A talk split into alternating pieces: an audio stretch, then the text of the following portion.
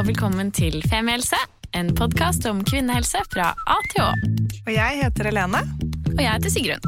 Og vi har startet denne podkasten fordi vi mener at det bør snakkes mye mer om kvinnehelse. Så la oss snakke.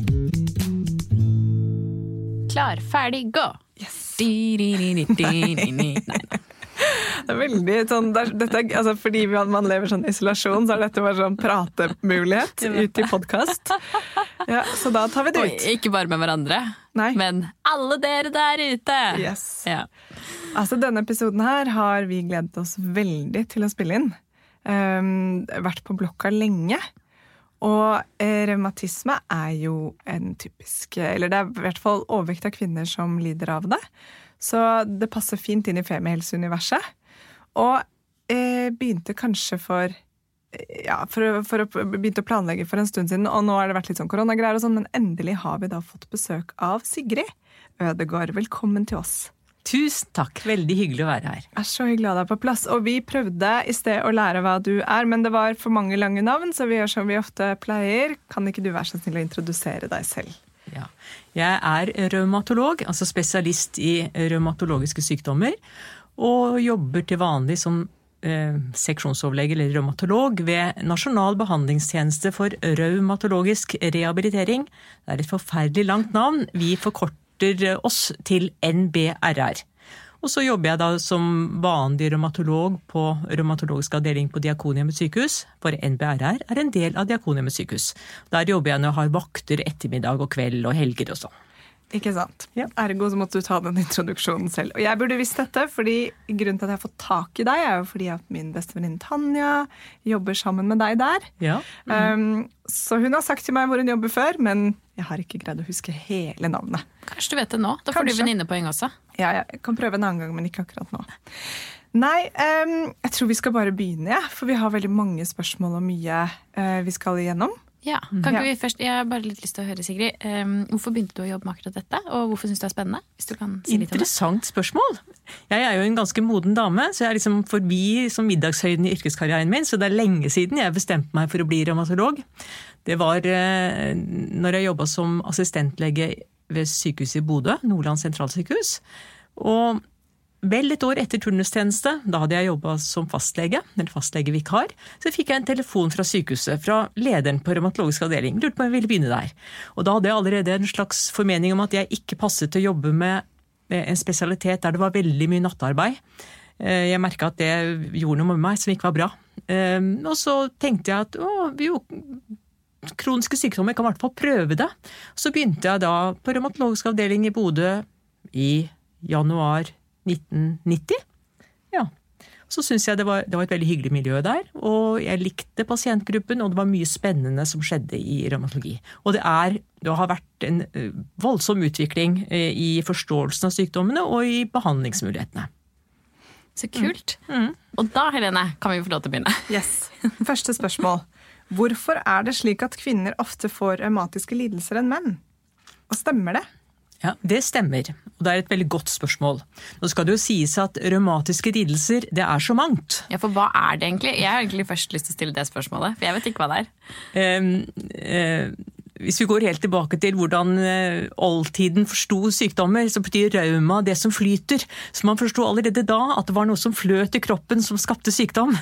Nå vet vi litt mer. Eh, men hvis jeg skal forklare deg hva revmatiske sykdommer er, så er det noe som ofte gir eh, leddplager og leddstivhet, men gjerne også mange andre symptomer, for det er ofte ikke bare leddene som blir eh, gjenstand for sykdom. Men det er på en måte ofte det, det felles symptomene, da. Ja, For jeg tenker på leddgikt når du sier ja. revmatisme. Ja, det er jo en av de, eh, som det vanligste, eller en av de vanlige revmatologiske sykdommene, eller revmatiske sykdommene, da. Sant? Eh, og det er jo vanlig at det gir hevelse og smerte i ledd, som gir stivhet. Så er det jo Nå forklarer jeg det veldig enkelt. Det skal jo til eh, noen utslag på blodprøver, og man skal se på utbredelsen av leddbetennelsene.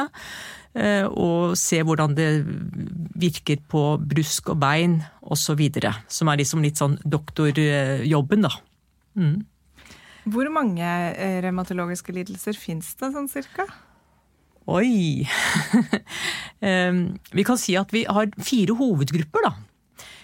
Gruppe én er inflammatoriske sykdommer, eller sykdommer som er, er ledsaget av inflammasjon eller betennelse, som vi kan måle blod, blant annet. Og der hører leddgikt til. Der hører Bechterew til. Der hører systemisk lupus til. Da har jeg tatt de vanligste der. Og så har du degenerative revmatiske sykdommer. Det er, mer, det er sykdom som artrose, eller det som ble, før ble kalt for slitasjegikt. Eh, og så har man en gruppe som kalles for bløthelserevmatisme, der fibromyalgi er den vanligste sykdommen. Og så kan vi si at en fjerde gruppe, og det er revmatiske plager som ofte er ledsaget av andre typer sykdommer. F.eks. ved stoffskiftesykdommer så kan man ha revmatiske plager. Ved diabetes kan man ha noen revmatiske plager. Det har vi valgt å putte i en egen sekk, da.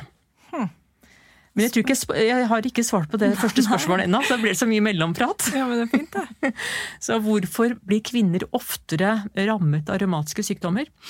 Og Det, er, det fins ikke én opplest og vedtatt forklaring på det, men at det har noe med hormoner å gjøre, ja, det har det nok. Så er det et samspill mellom hormoner, gener og immunapparatet. Og så er det det nye som, måte, som, vi absolutt ikke har fullstendig forståelse for, men som kan bety noen ting, og det er hvilke bakterieflora vi har i tarmen. Og det kan bety noe for mange ulike autoimmune sykdommer. For revmatiske sykdommer er autoimmune sykdommer. Det betyr at kroppen begynner å reagere på egne eggehvitestoffer i kroppen, og sånn sett lager betennelser. Så det er en kompleks sammenheng eh, mellom, jeg gjentar, kvinnelige hormoner, eller hormoner, eh, gener og eh, immunapparatet, altså eh, blodceller som, som, beskytter oss mot infeksjoner og, og, og, virus ulike, eller bakterier og virus. Og eh, kanskje betyr tarmflora noe også. Og det er veldig veldig spennende. Ja, Det er så spennende, for det mm. begynner å dukke opp i flere av episodene våre. Så ja. er det eksperter som sier sånn ja. Kanskje tarmfloraen har noe med dette å gjøre, men det vet vi ikke. Er det dette som kalles sånn mikrobiom? Mikrobiota. Mikrobiota? Ja, ja det er ja. liksom uh, tarmfloraen og, og, det er som forkortelse på den, det aspektet som vi tror kan bety, for, uh, bety noe for veldig mange sykdommer. Hm. Ja. Det er helt utrolig spennende. Ja, det er det. Ja. Uh, så det gjelder med å leve i balanse med sin mikrobiota. Ja, ikke sant? Men er alle revmatiske sykdommer betennelsestilstander? Veldig godt spørsmål. Ehm, eh, denne inndelingen, hovedinndelingen som jeg nevnte for dere i sted, da er det noen som ikke er eh, beheftet eller assosiert med betennelse, og der kommer det med bløthetsrevmatisme og fibromyalgi. Eh, og også det med artrose, eller det som før ble kalt for slitasjegikt. Der kan man ha betennelse ved siden av, men vi regner det som en ikke betennelsesaktig revmatisk sykdom. Okay. Og med betennelse mener jeg nå altså at vi kan måle i blodet at det er aktivitet i immunapparatet. Hm. Og når er det man vanligvis i løpet av livet oppdager at man har leddgikt?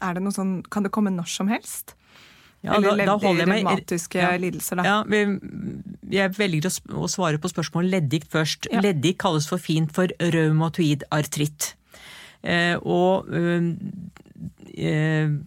den sykdommen kaller vi først etter 18 år. Hvis man har eh, leddsykdom før det, så kaller vi det, kaller vi det juvenil eh, idiopatisk artritt. Men hvis vi kaller, nå snakker om revmatid artritt, så er eh, måte den perioden der man ser aller flest tilfeller, det er i altså i reproduktiv alder, og spe, spesielt høyt da i overgangsalder med antall nye tilfeller. Og så eh, ser vi på dem over 75, så er det faktisk flere menn eh, enn kvinner som får det. Så det har nok noe med at eh, testosteron, eller androgener, mannlige kjønnshormon, det beskytter på en måte for utviklingen av denne sykdommen, når, men når den gå det, så tar mennene igjen oss. Så i, i eh, reproduktiv alder og leddgikt flest tilfeller da i overgangsalder.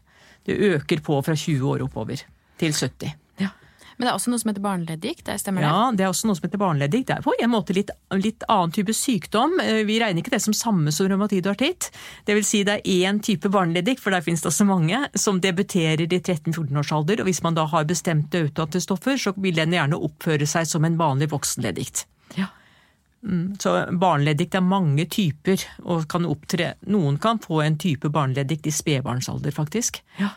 Um, så man kan få sykdommen i hele livs, uh, livsløpet. Ja. Uh, men det er da ulike, sykdom, ulike revmatiske sykdommer har litt, litt ulik peak, eller tid, for når det er uh, flest tilfeller. Eller flest nye tilfeller, det skal være nøyaktig. fordi degenerative er Ja. vel ofte ved litt eldre alder. Ja, det er riktig. Ja. Men du kan nok begynne å se litt sånn slitasje i leddene, eller artrose, allerede i 40-årsalderen. Ikke sant? Jeg tror jeg fikk litt slitasje i lillefingers ytterledd når jeg var sånn 40. Ja. Ja, men det plager meg ikke så veldig. Nei, ikke Ja, selv om jeg har litt slitasje litt her og der. Ja. Nei. Det kan man leve med. Det kan man leve med, bare man holder seg slank. Det er nettopp det. Ja. Fordi det er det jo veldig mange som også lurer på. fordi det er jo, altså Vi kunne laget ti episoder om hver og en av disse Ja, det, det er sikkert, for dette, dette blir litt, litt harelabb, altså. Ja. og det er et kjempestort område. Ja. Men, men generelt sett, for det her nevner du da at man må holde seg slank, men er det noe sånn altså, Det har jo vært veldig trendy med sånn antiinflamatorisk mat og eh, liksom, type forskjellige treningsformer. Er det noe man kan gjøre selv for å, for å holde seg liksom frisk hvis man har en av disse lidelsene, eller blir det for generelt å si? Det blir jo litt generelt å si. Eh, Det, det vi vet, er at hvis man f.eks.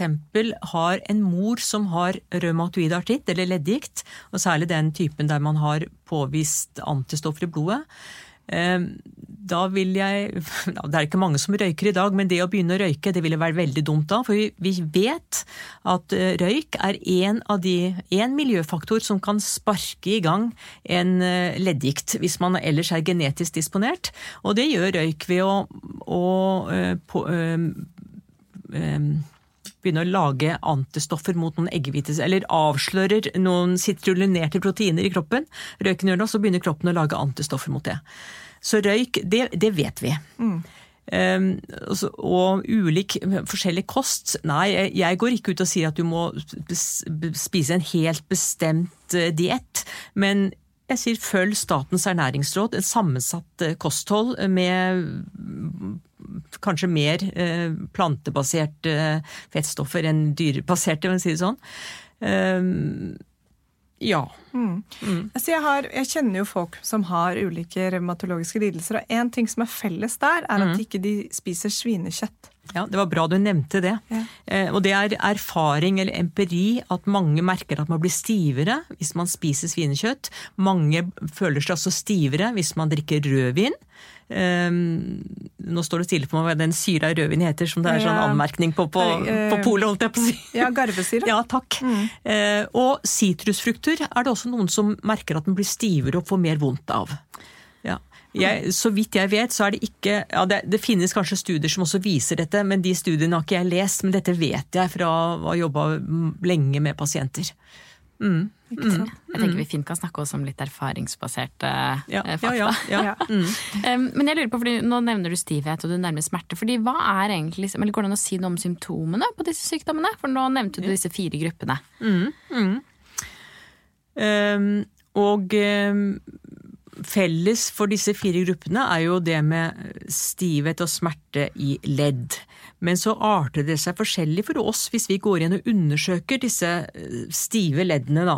Hvis vi tar mønstersykdommen eh, leddgikt, rheumatoid artritt, så vil vi merke at det er hevelse i leddet, og det kan vi kjenne hvis vi er oppdratt til å kjenne på leddene. Men i dag bruker vi ofte ultralyd for å påvise betennelse i leddene, og da ser vi at det er eh, litt væske i leddet innenfor leddkapselen, og også inflammasjon eller betennelse som vi ser på at det er bitte små eh, blodårer som, der det farer røde blodlegemer inni, og da ser vi det som betennelse på ultralyd. Så det, Ved leddgikt ser vi det. Ved fibromyalgi ser vi ikke det. Um, så um, der kan det være vondt å trykke på. Det kan jo være ved leddgikt også, men vi ser ikke denne betennelsen, eller vi kan ikke kjenne hevelsen i leddene. For det er jo en litt usynlig sykdom også, er det ikke Ja, det? på en måte kan du si at det er usynlig, men det er ikke en tvil om at det er en smertefull sykdom som reduserer livskvaliteten til dem som er, har den sykdommen. Er, ja. Um, Det er noe vi for øvrig kanskje skal lage en egen episode på. Vi har fått veldig mye spørsmål om det Ja, også ja, konkret, så det kan vi jo komme tilbake til i en senere Og episode. med degenerative sykdommer da, så ser vi mer at det er um, pålæringer langs brusken, altså ekstra beinvekst, og redusert bruskspalte. Da, så kan det også være inflammasjon i et ledd der det er en degenerativ eh, prosess, da. Ja. Så det er rett og slett eh, altså at, man, at man kjenner at noe ikke er som det skal, at det er stivt og ømt og vondt, eller at Ja. man kanskje til og med kan se det i noen tilfeller. Sånn Ja. som liksom, Som hevelse, ja. Ja. Så er det ofte da at det er mest stivhet og smerter på morgenen. Ja. ja. Ikke sant? Så du var litt redd for at du hadde dette for ikke så lenge siden? Ja, ja, ja. Jeg hadde våknet jo opp med helt uh, døde hender, og de var stive og ømme. Mm. Men uh, da hjalp det å gå til naprapat og få fikset hjemmekontorskuldrene mine, for da var det noen Nettopp. nerver i klem Ja bak. Ja. Så da var fingrene mine var som sånn foldekniver om morgenen. Sånn tikk, Ja. tikk, tikk, tikk. Ja. For du gikk jo til innkjøp av et imponerende mengde med kosttilskudd. Ja, ja. Ja. Altså, jeg går, alt kan løses med kosttilskudd. Ok, ja, du, du må bare spise det, men jeg tenker, jeg tenker at der var det vel kanskje den ergonomiske biten som hadde størst betydning. 100% bare den. Ja, ja. Men eh, fastlegen min sa som deg, sånn, ja ja, du tisser jo bare ut overskuddet av vitaminene, og hvis du har penger til det, så får du kose deg med det. Så, for det er noe med placeboeffekten av det også. Ja da, og Ja. Den skal, det er jo en effekt. Ja, den er god, den. Den er, den er målbar, Masse den. magnesium og B-vitamin og C-vitamin og D-vitamin og omega-3 og Mm. Ja. Jeg kosa meg. Ja. når du nevnte D-vitamin, så må du si at jeg er litt opptatt av den. og det er ikke, Men det er mulig fordi at jeg jobber med en pasientgruppe som har, ofte har så mye plager at man kommer seg lite ut. Men jeg syns jeg avslører D-vitaminmangel på ganske mange av den gruppa jeg jobber med. Da, men det er veldig syke pasienter. Ja, så jeg ser det på som et, et poeng å korrigere D-vitaminmangel. Ja. Ja. Det er jo lurt nå om vinteren spesielt. Mm. Ja, B-vitamin, folkens. Nei, ikke B, men D. D, Det for David. Ja, det for David. Som det fins i eh, tran. Jeg er kjempefan av tran. Ja. Men det er lurt å ta D-vitamin sånn generelt sett. Men ellers, eh, fins det noen behandling? For revmatiske lidelser? Ja, det gjør det Så bra. heldigvis. Ja. Eh, Nå er det igjen da litt avhengig av hvilken sykdom man har. Eh, Men jeg nevnte eh, innledningsvis at det har skjedd veldig mye i behandling av revmatiske sykdommer. Og det er fordi vi vet veldig mye mer om hva som skjer i immunapparatet. Så hvis jeg tar leddgikt, eller reumatoid artritt som et eksempel, så har det det er de siste 20-25 åra kommer veldig mange ulike behandlinger, altså farmasøytiske behandlinger eller medikamentelle behandlinger, som har god virkning. eh, Som viser at eh, livskvaliteten til våre syk eller dem som har våre sykdommer, har blitt mye bedre fra tiår til tiår. Dette finnes det forskning på. Um, og, og der, først så kom en gruppe medisiner som påvirket et betennelsesprodukt i kroppen som heter tumornekrosefaktor. Og så har det kommet flere som angriper ulike steder i immunapparatet. Så eh, det finnes behandling, og, det, og samme type medisin, TNF-hemmer, brukes også hos dem som har Bechterew-sykdom eller betennelsessykdom i ryggsøylen og bekkenet. Eh, Bechterew er det nok den som hører på, har sikkert hørt, hører på podkasten, har sikkert hørt om den sykdommen. Um, og andre sykdommer som mer er bindevevsykdommer, lupus erytomatosus, um, myositter, vel som sjeldne sykdommer, der er det også kommet nye behandlingsalternativer. Og ja, så fordi det vi, vi har fått veldig mye spørsmål om hvordan Nå skjønner jeg jo også at det er fire liksom, hovedgrupper her, så det blir vanskelig å generalisere igjen. da. Ja, Men kan det påvirke fertilitet? Ja, eh, det finnes flere studier som har vist at kvinner med inflammatorisk leddsykdom, leddgikt og lignende, bruker lengre tid på å bli gravide, og eh, kvinnene er eldre når de får første eh, barn.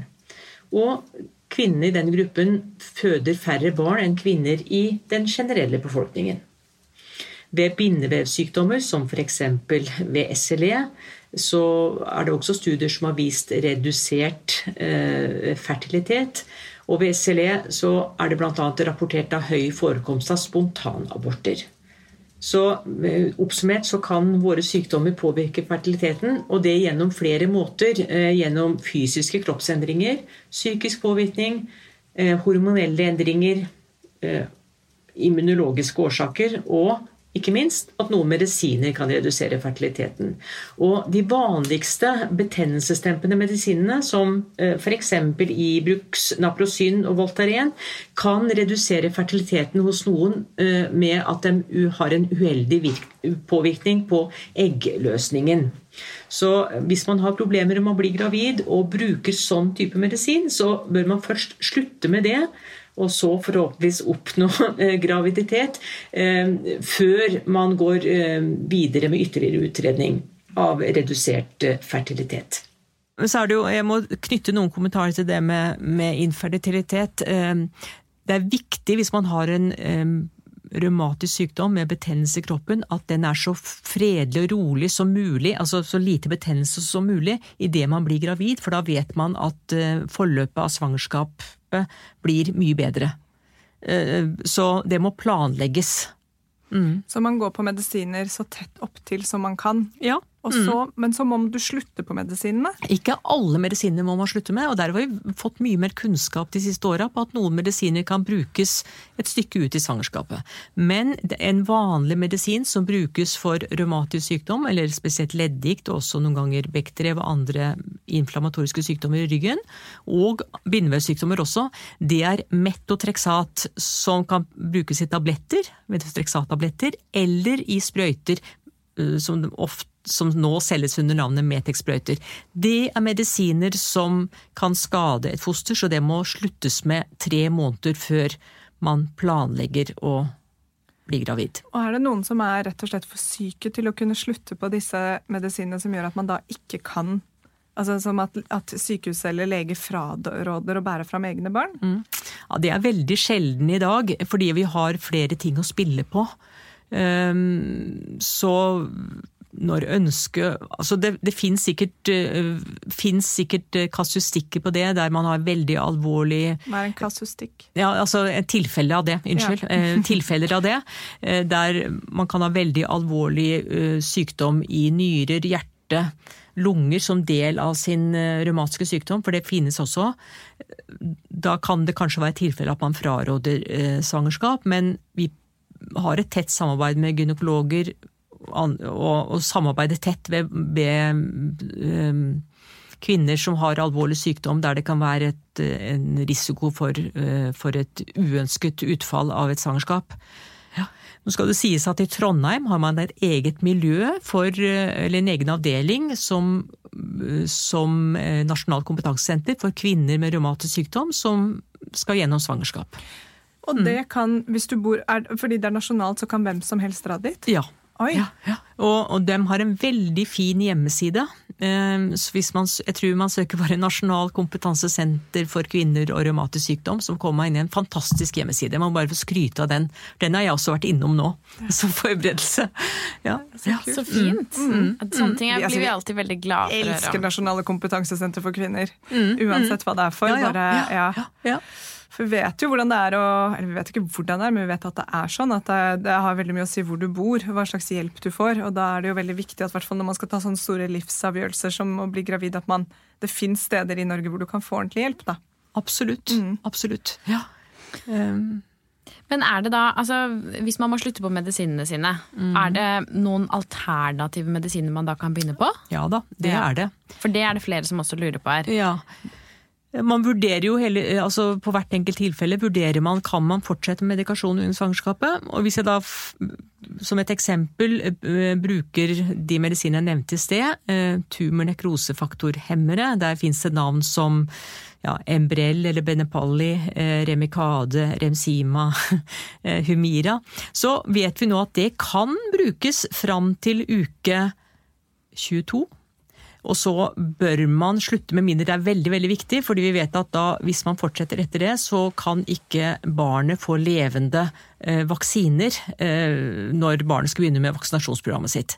Så, så, her er det et, et poeng. Eh, mm, så kan man bruke prednisolon, ikke altfor altså kortisonpreparat, under svangerskapet. Dog bør man prøve å holde seg unna, nei, under 7,5-10 mg daglig i svangerskapet, så det er en måte å, å holde sykdommen i ro på. Eh, Salasoperin kan brukes, som er en annen sånn sykdomsmodifiserende medisin. Så det fins alternativer. Det er også andre medisiner man kan bruke under svangerskapet. Ikke sant. Mm. Og, ja, så kult. Og fordi det, Jeg skjønner jo at veldig mange lurer på dette, men det her gir jo egentlig et veldig klart svar at man må på en måte bare kartlegge sin egen tilstand og se hvor, hvor syk er du, om du kan få lov til å slutte på medisin, eller hva du tenker at du kan. Ja, det, altså Et svangerskap når man har en revmatisk sykdom, det bør planlegges sammen med revmatologen. Mm. Ja. Ikke sant? Mm. Så det er, det er et veldig, veldig viktig poeng. Og hvis man ikke planlegger det, men bare blir liksom plutselig gravid, da? Eh, ja, da eh, vil jeg nok eh, også få snakket med først fastlegen, og så jo, kan jo også fastlege veldig mye om medisiner, og hvert fall hva som er Man kan slå opp og se hva er eventuelt skadelig for fosteret, og så må man da vurdere hva som er riktig tiltak. Ja. Mm. Mm. Riktig. Det var noe jeg ikke nevnte i sted, som jo også er veldig viktig. Det med å bruke betennelsesdempende medisiner, sånn som ja, Naprosyn, Ibux, Voltaren. Det kan man bruke under svangerskap, men når det gjelder den, pasient, den medisingruppa, så er det Ibux som vi har erfaring med er tryggest å bruke under svangerskap, fram til siste tre måneder. Da bør man ikke ta det. Ok. Mm. Det er mye man skal huske på hvis man uh, går gjennom dette, tydeligvis. da. Mm. Ja. Men da håper jeg det er god veiledning. Uh, fordi hvis man får dette konstatert en, Hva heter det? Kon, konstatert. konstatert. Ja. uh, får man da oppfølging hos fastlege, eller får man en egen revmatolog som man forholder seg til? I Norge så altså Nå sitter kanskje jeg men nå skal være litt forsiktig, fordi at her i Oslo så det, har vi jo en bedre kapasitet på kontroller enn rundt omkring i Norge, og i grisgrendte strøk i Norge. Men sånn som det er her i Oslo, så får man regelmessige kontroller hos en revmatolog hvis man bruker en medisin eh, for, altså en, en, medisin som potensielt kan være farlig enten for blodcellene generelt eller for et svangerskap. Eh, ja. Så da får man en da spesialist. Da får man legemessige kontroller, og vi ja. gjør våre pasienter oppmerksomme på at dersom du planlegger svangerskap, så må vi ha en ekstra prat om det. Mm. Og hvis, du, hvis jeg hadde hatt leddgikt og så fikk jeg en datter, hvor stor sjanse er det da for at hun får det? Veldig godt spørsmål, og et veldig vanlig spørsmål. Vi kan ikke si at det er en 25% sjanse for det, fordi vi vet at det har noe med gener å gjøre. Ja, men så har det også noe med miljøfaktorer å gjøre, der vi kjenner til at røyk er ugunstig. Men det er nok andre miljøfaktorer også som kan bidra til å sparke i gang en betennelse. Så vi kan si at, du, at din datter vil arve en slags disposisjon, men det er ikke noe absolutt at hun vil få sykdommen. Og Kan det da trygges av andre ting? For jeg hørte et rykte på gata som var at det kunne f.eks. Trygges, av, eh, trygges av en klamydiainfeksjon. Ja, godt, og veldig viktig at du, at du om dette, eller spør om dette. Um, Klamydiainfeksjon er ikke noen kjent trigger for utvikling av revmatoid artritt eller leddgikt, men eh, klamydia kan trigge i gang en eh, leddbetennelse som vi kaller for reaktiv artritt.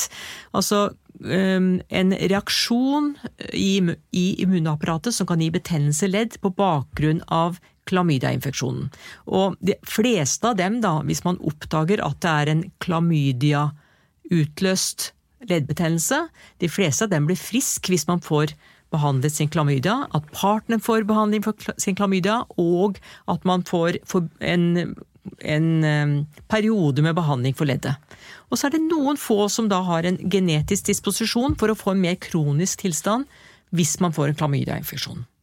Det kaller vi altså ikke en leddgikt, men en reaktiv artritt. Altså en reaksjon på klamydia. Og Det er et veldig viktig spørsmål.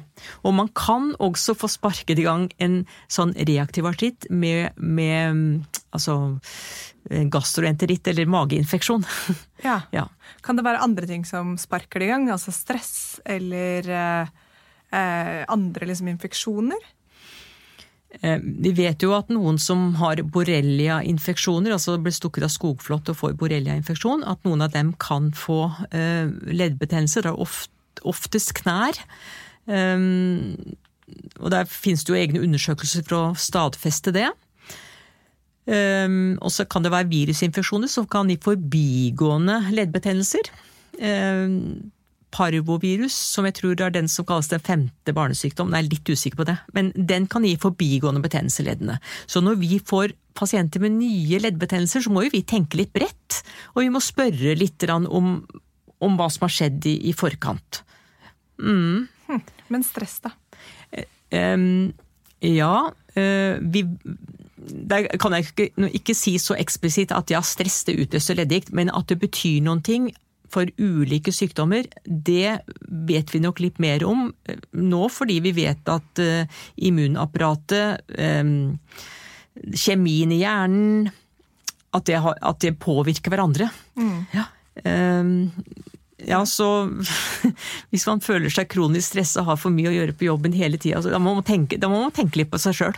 Ja. Ja, ja. Eh, ja, det, det er så langt jeg kan svare på det. Ja, nei. Ja. Men, og stress betyr kanskje mer, eller vi, vi snakker om det og forstår det som en veldig viktig faktor ved fibromyalgi. ja. Ikke sant? Mm.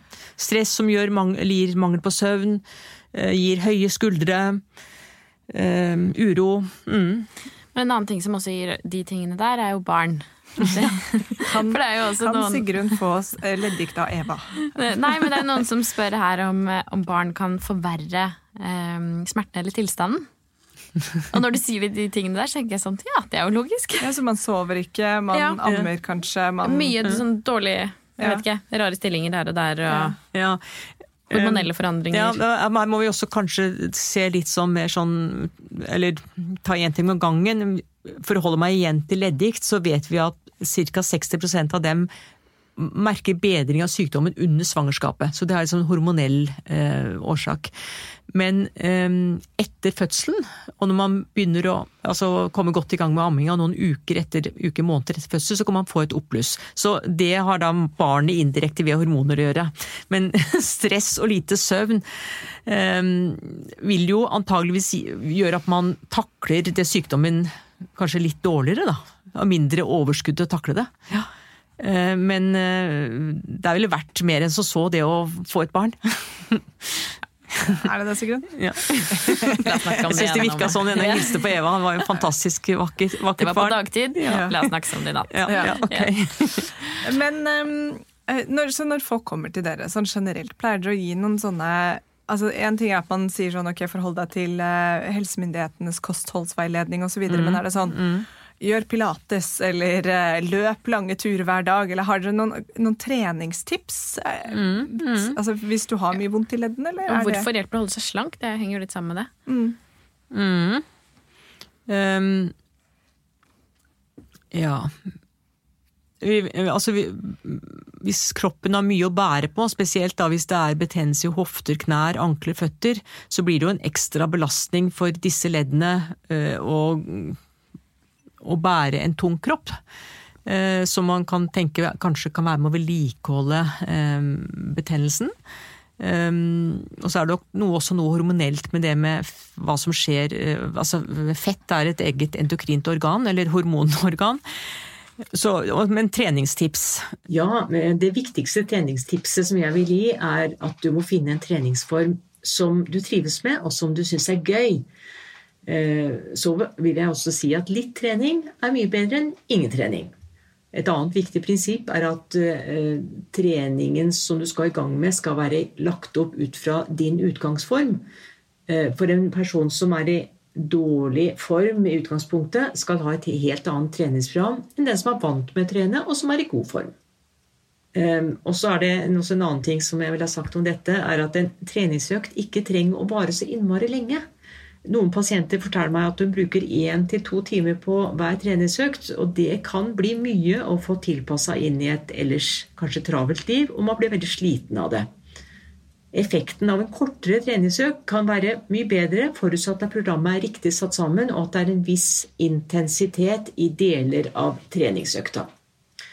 Og faktisk så har senere tids forskning gitt holdepunkter for at trening i seg sjøl, iallfall hvis treninga har en viss intensitet, til en viss grad kan bidra til å dempe betennelsen i sykdommen. Altså at trening kan redusere sykdomsaktiviteten. Og dette er veldig, veldig spennende, syns jeg. Og så bør jeg også nevne at for de revmatologiske sykdommene som rammer ryggsøylen og bekkenleddene, som bekktrev og beslektede sykdommer, så har trening, og er trening, en veldig viktig del av behandlingen for sykdommen ved siden av medisiner. I tillegg til at en trening, som jeg har nevnt, ser ut til å kunne bidra med å dempe sykdomsaktiviteten, så vil trening også være et viktig bidrag for å forebygge utvikling av hjerte-karsykdom. Og det er slik at vi har funnet ut at inflammatoriske revmatiske sykdommer eller sykdom og betennelse i seg sjøl er en risikofaktor for utvikling av hjerte-karsykdom. Så de faktorene som er bra for hjerte-karsykdom, er ekstra viktig for mennesker med inflammatorisk revmatologisk eh, sykdom. Yes. Ah, Siggen, sitter du på noen flere spørsmål på Instagram der da? Jeg tror vi har vært gjennom eh, de aller fleste. Ja, jeg tror det faktisk jeg også. Eh, Jeg har i hvert fall lært at dette er et gigantisk tema. ja. Det er et gigantisk Så- tema, og det er noe vi ikke har snakka så mye om. øh, Og det er de mer sjeldne sykdommene som også kan ramme kvinner. Ja. Eller som rammer kvinner. Jeg har så vidt nevnt systemisk lupus. Det er, på en måte kanskje, det er den vanligste av de, det som vi kaller for bindevevsykdommer. Hva er forskjellen på det og lupus? ja, det, det er det samme. Lupus finnes også i bare en hudform, men også en systemisk form. Ok. Ja. Eh, Og så har, eh, finnes det en sykdom som heter takayasus arteritt. Og det er forskjell på artritt og arteritt. Og Takayasu eh, eh, rammer først og fremst unge kvinner. Og det er veldig sjelden, altså. Er, I Norge finnes det kanskje 100-150 stykker i Norge som har den sykdommen. Og der er det betennelse i blodårene som utgår fra, eh, fra mm, hovedpulsåra. Oi. Ja. Men det er en sjelden sykdom, men det er kanskje noen som hører på i dag som har den sykdommen. Da vil jeg gjøre dem urett å ikke nevne det. Ja. Ja. Den behandles også mye med noen av de samme medisinene som jeg har nevnt. Ok, så fint. Men eh, er det noen ny og spennende forskning på gang som du vil nevne på tampen, eller har vi vært igjennom det meste? Å nei, vi har nok ikke vært igjennom det meste, men, og jeg greier ikke å følge med i alt som skjer heller. Absolutt ikke. Eh, Jeg har jo nevnt det der, det som er veldig spennende, det med, med tarmflora. Mm. Mm. Jeg vet at på Rikshospitalet så har man fått masse penger for å studere hvordan det påvirker eh, utviklingen og medikamentrespons hos en sjelden sykdom som heter altså sklerodermi. Så, ja, eh, så det pågår forskning i Norge også. Eh, ja, så finnes, ja, det, det er jo mye spennende forskning. Eh, Nå nå ble jeg litt sånn hodeløs hva jeg skulle svare på, svare på det. Det er veldig positivt at det er Ja. forskning på gang. Ja. Og det er en ting som er klart, så er det at vi må grave litt mer i dette, disse tarmgreiene, Helene. Ja, Ja.